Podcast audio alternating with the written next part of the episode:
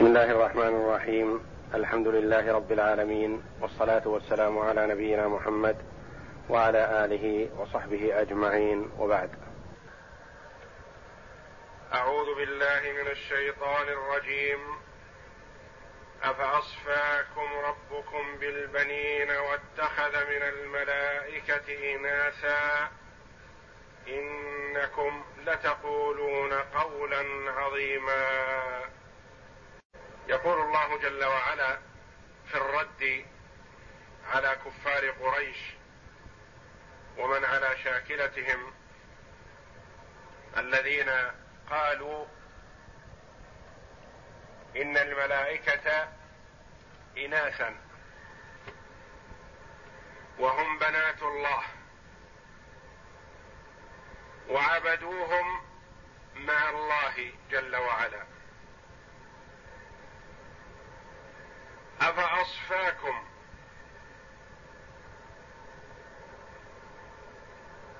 جعل لكم. واصطفاكم بالبنين. أجعل البنين لكم. واتخذ هو الإناث. تعالى الله. اختصكم بالبنين. وجعل البنات له الهمزة للاستفهام التوبيخي. استفهام توبيخي. والفاء عاطفة على مقدر.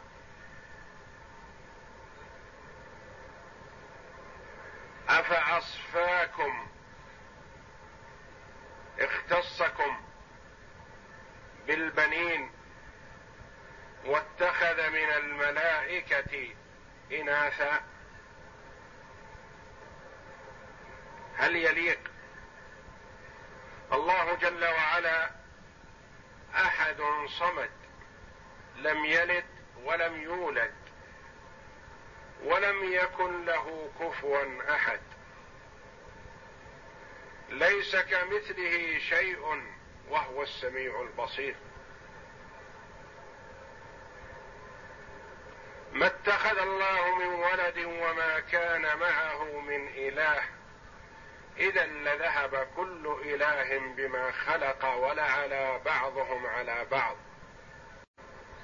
فهو جل وعلا يرد على كفار قريش.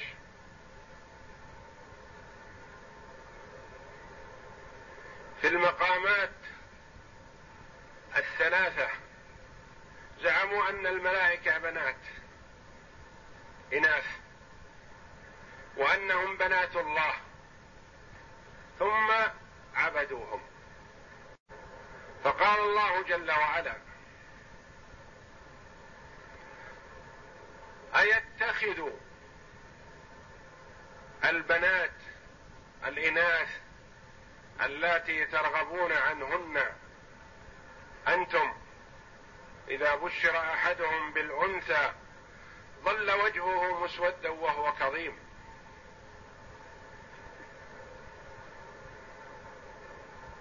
يتوارى من القوم من سوء ما بشر به أيمسكه على هون على مرض وتصبر أم يدسه في التراب يعدها يدفنها حيه البنت.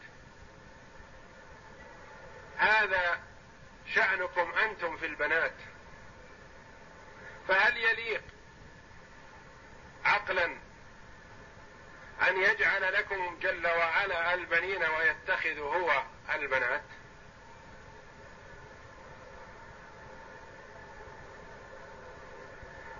واتخذ من الملائكة إناثا إنكم لتقولون قولا عظيما. إنكم لتفترون افتراء عظيما. قولا شنيعا. قولا لا يصدر من عاقل. والله جل وعلا منزه عن الوالد والولد. منزه عن الشريك. لأن الولد كفء وند مثيل لوالده. والله جل وعلا لا مثيل له ولا كفء له ولا ند له. والولد يحتاجه المخلوق لأنه يتقوى به وينتفع به. والله جل وعلا له الغنى المطلق. فهو غني بذاته جل وعلا. ويقول الله جل وعلا وقالوا اتخذ الرحمن ولدا لقد جئتم شيئا إدا. تكاد السماوات يتفطرن منه وتنشق الأرض وتخر الجبال هدا. أن دعوا للرحمن ولدا وما ينبغي للرحمن أن يتخذ ولدا. إن كل من في السماوات والأرض إلا اتي الرحمن عبدا لقد أحصاهم وعدهم عدا وكلهم آتيه يوم القيامة فردا.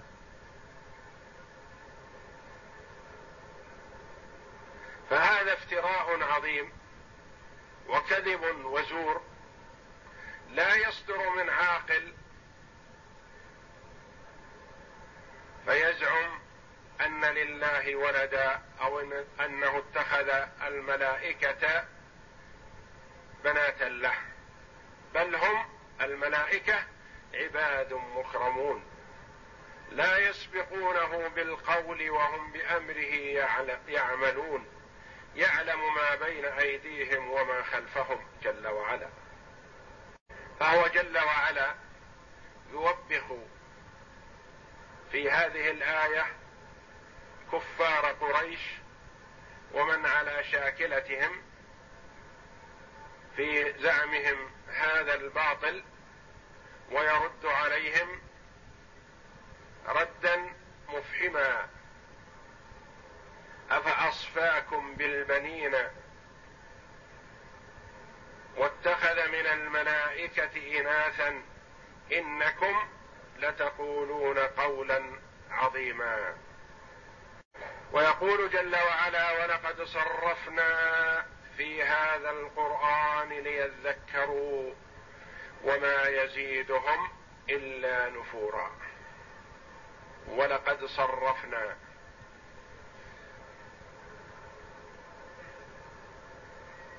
اللام موطئة للقسم وقد حرف تحقيق. صرفنا بينا وفصلنا وأوضحنا. في هذا القرآن من أجل أن يتذكروا. فالله جل وعلا فصل ووضح في هذا القرآن. ذكر المواعظ والزواجر وذكر الأمثلة وذكر الأدلة العقلية. واستدل بآياته وعظم مخلوقاته على استحقاقه جل وعلا للعبادة وحده لا شريك له. ليذكروا من أجل لعلهم يتذكروا. فيرجعوا عن غيهم ويؤمنوا بمحمد صلى الله عليه وسلم ويعبدوا الله وحده. وما يزيدهم إلا نفورا. لأنه أعماهم العناد والتكبر. على رسول الله صلى الله عليه وسلم. والتقليد الأعمى لآبائهم. فالمرء إذا تكبر والعياذ بالله لا يقبل الحق.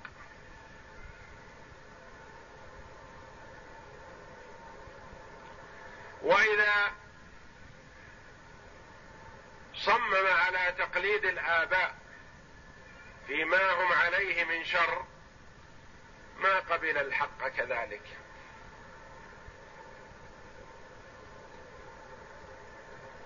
وإذا تغطرس واستحقر الداعي للحق ما قبله. وكفار قريش هكذا. أعماهم الكبر. وتقليد الآباء.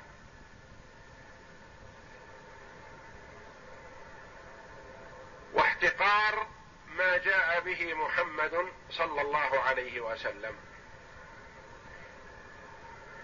فما اعملوا عقولهم وأذهانهم وأفكارهم لينظروا هل جاء هل ما جاء به محمد حق أم باطل؟ جاء محمد صلى الله عليه وسلم بما أوحى الله إليه والناس على جهل عظيم. فمن وفقه الله وأعمل فكره وعقله وتدبر وتأمل ما جاء به الرسول صلى الله عليه وسلم وجده حقا وصدقا فآمن. ومن تغطرس وتكبر وتعاظم ولم يعمل فكره وعقله استمر على عماه والعياذ بالله. إذا قيل لهم هذا شيء من محمد صموا آذانهم عن أن يسمعوا. والله جل وعلا أقام عليهم الحجة بما أوضحه في كتابه وعلى لسان رسوله صلى الله عليه وسلم. ولقد صرفنا في هذا القرآن ليذكروا وما يزيدهم إلا نفورا اعراضا وتعاميا عن الحق وعدم قبول. قل لو كان معه آلهة كما يقولون اذا لابتغوا إلى ذي العرش سبيلا. سبحانه وتعالى عما يقولون علوا كبيرا. قل يا محمد لكفار قريش لو كان مع الله جل وعلا آلهة لو كان معه آلهة تستحق العبادة كما يقولون كما يزعم كفار قريش. وذلك أن النبي صلى الله عليه وسلم لما دعاهم إلى توحيد الله وقول واعتقاد كلمة التوحيد لا إله إلا الله قال قائلهم أجعل الآلهة إلها واحدة إن هذا لشيء عجاب. وذلك أنهم يزعمون أن هناك آلهة كثيرة. لكن هم مقرون ومعترفون أن الإله الأكبر والأعلى هو الله. ما عندهم شك في هذا. الإله الأعظم والأكبر هو الله. يقول الله جل وعلا قل لو كان معه آلهة كما يقولون. أين جواب لو؟ اذا لابتغوا إلى ذي العرش سبيلا. هل تسكت هذه الآلهة؟ لو كان هناك آلهة. اذا لحاولت أن تصل إلى الله وتغالبه. لا تذعن وهي آلهة وإنما كل إله يريد أن يظفر بالعلو الكامل له ويتغلب على من سواه.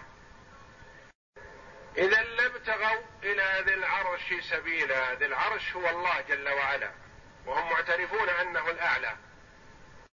وكما قال الله جل وعلا ما اتخذ الله من ولد وما كان معه من إله اذا لذهب كل إله بما خلق ولا على بعضهم على بعض. ما يصبرون وما يسكتون. كل يريد الغلبة له. لكن هذا لا وجود له. لا ليس مع الله آلهة.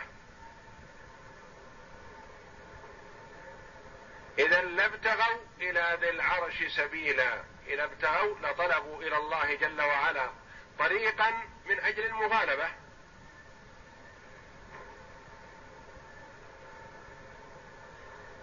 هذا قول من أقوال المفسرين رحمهم الله وهو الذي اختاره جمع من المفسرين.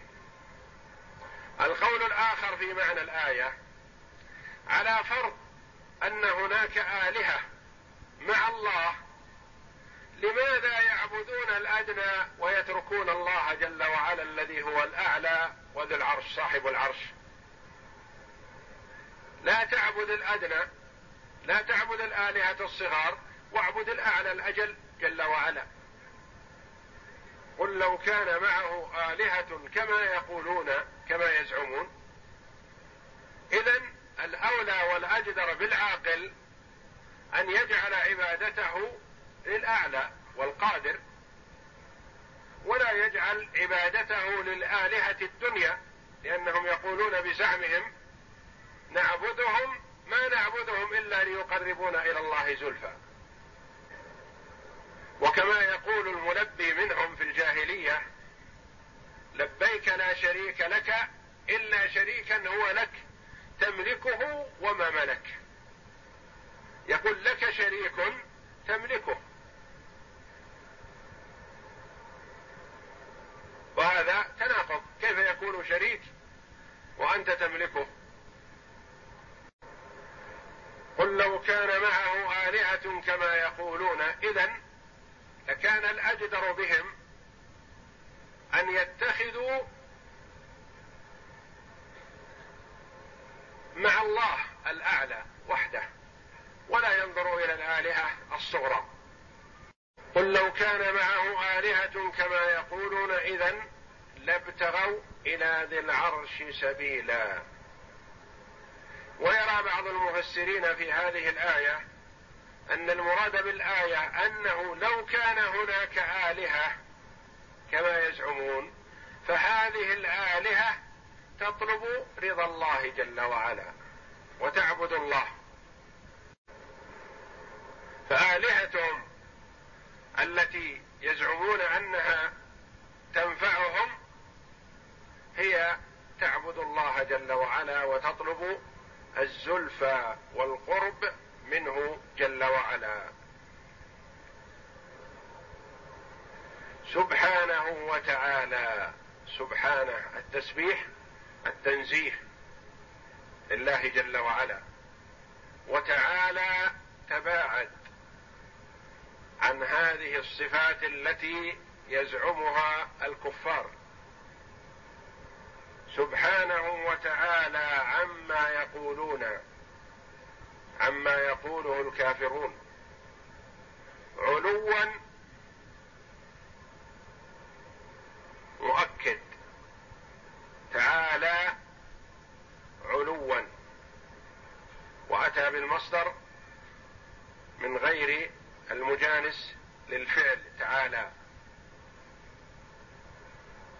تشكيلا. وتعالى مصدرها تعاليا وقال علوا.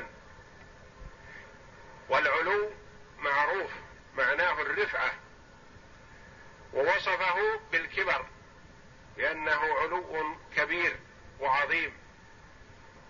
والله جل وعلا له العلو المطلق.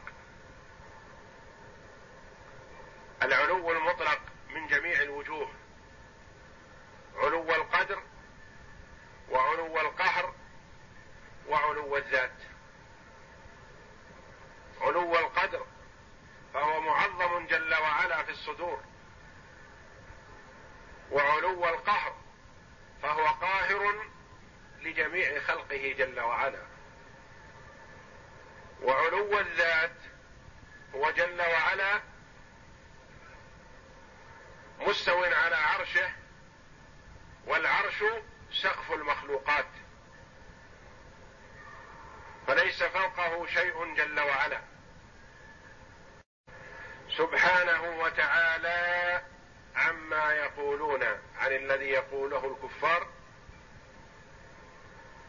أو عن مقولتهم علوا كبيرا.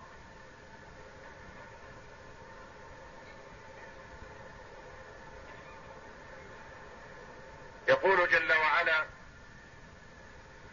تسبح له السماوات السبع والأرض ومن فيهن وإن من شيء إلا يسبح بحمده ولكن لا تفقهون تسبيحهم إنه كان حليما غفورا. تسبح له السماوات السبع والأرض ومن فيهن. تسبح. تنزه الله جل وعلا. تقدسه. السماوات السبع. السماوات سبع. وفي كل سماء سكان من الملائكة. كما قال صلى الله عليه وسلم أطت السماء يعني صار لها أطيط من كثر ما فيها من السكان. أطت السماء وحق لها أن تعط. ما فيها موضع شبر إلا وفيه ملك راكع أو ساجد أو كما قال صلى الله عليه وسلم. والأرض والأراضين السبع. ومن فيهن ومن في السماوات ومن في الأرض. كلها تسبح الله جل وعلا. ومن فيهن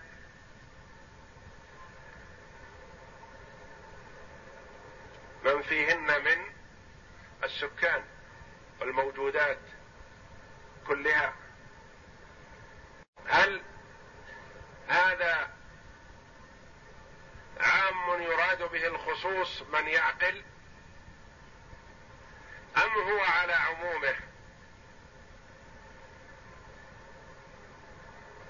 وهل المراد أنها تسبح الله بمعنى أنها أن وجودها دلالة على تنزيه الله جل وعلا؟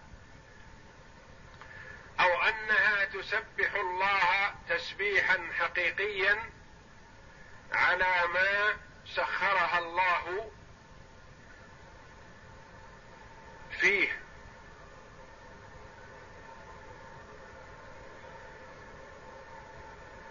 أقوال للمفسرين رحمهم الله. قال بعض المفسرين هذا عام يراد به الخصوص. يراد به الملائكة والجن والإنس. وقال بعضهم الملائكة والجن والإنس والنبات والحيوان ما هو قابل للنمو كالحيوانات والبهائم والنباتات. وقال بعضهم كل ما فيها من مخلوق. الجبال والأشجار والأحجار والبحار. سائر المخلوقات تسبح بحمد الله جل وعلا.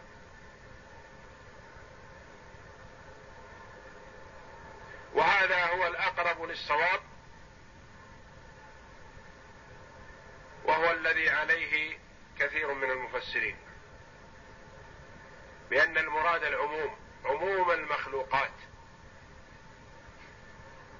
لا يخص بشيء دون شيء.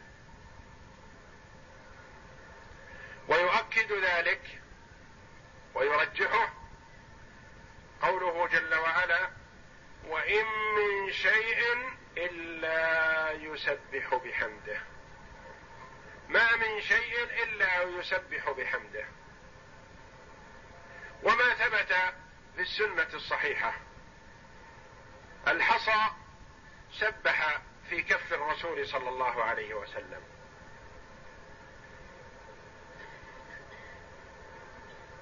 والله جل وعلا يقول عن داود عليه السلام إنا سخرنا الجبال معه يسبحن بالعشي والإشراق. الجبال تسبح مع داود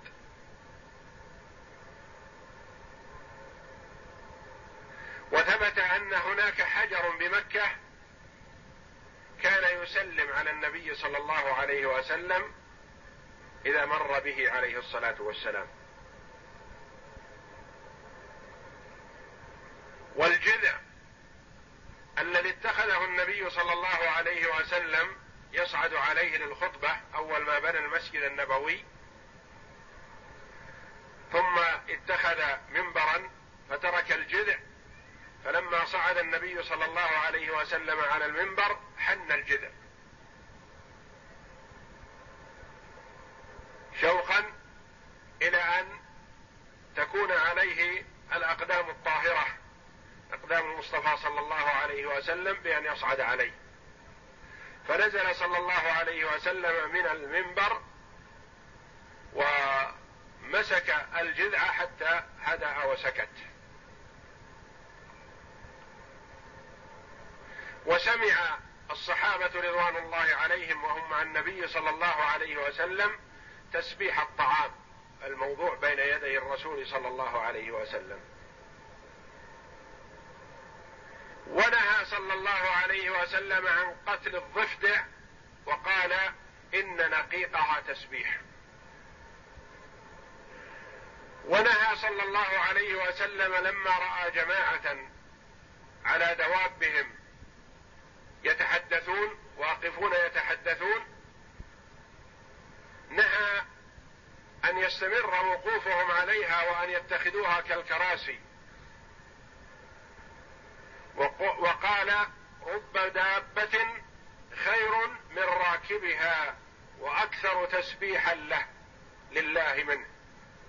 فالذي يظهر من هذه الآية الكريمة العموم وأن جميع المخلوقات تسبح الله جل وعلا وتنزهه.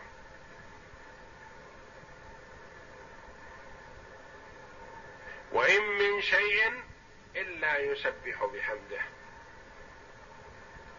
ما من شيء إلا يسبح بحمده. إن هذه النافية. إن من شيء إلا يسبح بحمده. ولكن لا تفقهون تسبيحهم. في التسبيح يعلمه الله جل وعلا ويخفى على العباد.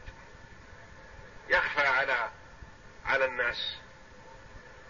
ولكن لا تفقهون لا تدركون ولا تعلمون تسبيحهم. فكل صنف سخره الله جل وعلا يسبح بحمده تسبيحا يعلمه الله جل وعلا ويخفى على الناس. إنه أي الله جل وعلا كان حليما غفورا فهو جل وعلا من سعة حلمه لم يعاجل الكفار بالعقوبة.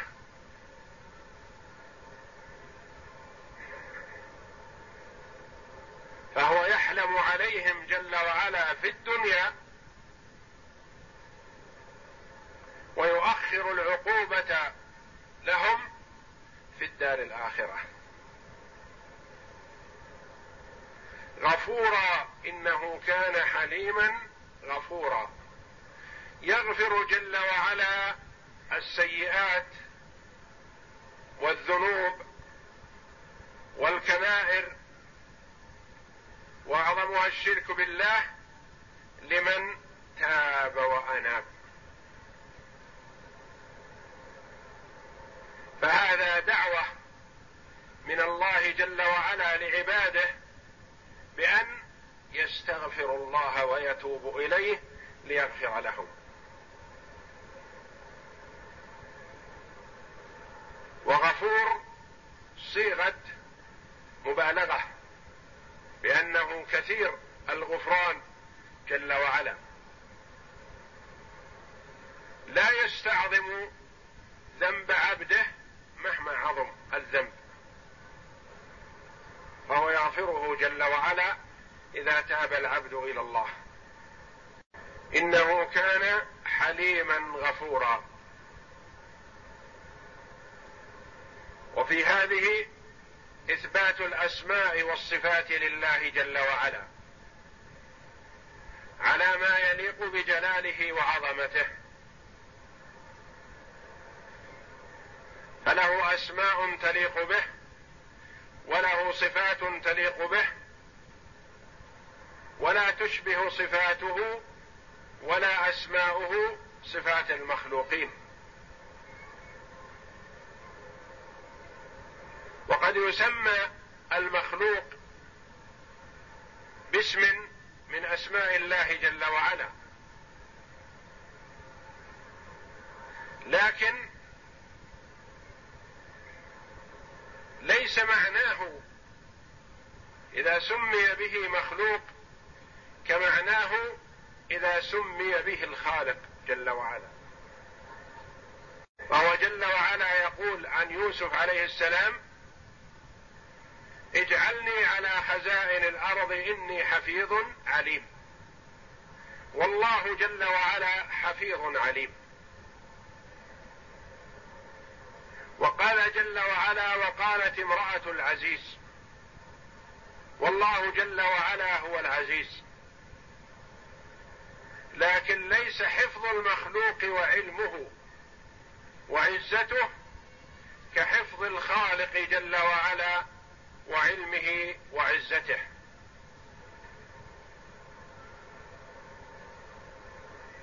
فعلم المخلوق على قدره وحفظه لما بين يديه وما هو مسيطر عليه. وعزته في قومه أو من يعرفه ويقدره. والله جل وعلا حفيظ عليم عزيز يتصف بهذه الصفات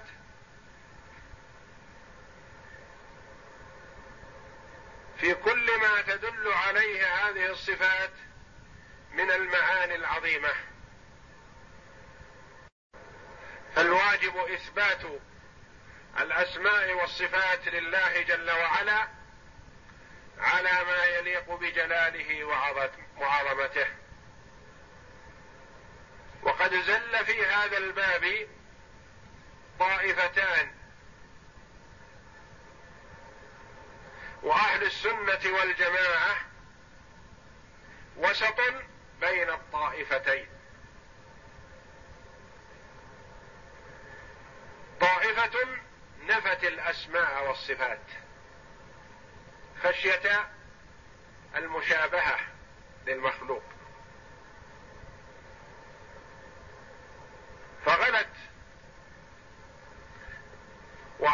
وعطلت الله جل وعلا من أسمائه وصفاته. وطائفة ظلت فأثبتت وشبهت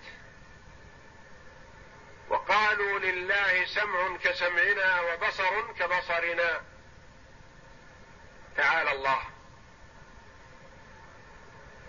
وأهل السنة والجماعة وسط بين الطائفتين. أثبتوا إثباتا بلا تشبيه ولا تمثيل. ونزه الله جل وعلا عن مشابهة المخلوقات تنزيها بلا تعطيل. فالنفي ضلال. نفي الأسماء والصفات عن الله جل وعلا. كما أن إثباتها وتشبيهها بصفات المخلوقين ضلال.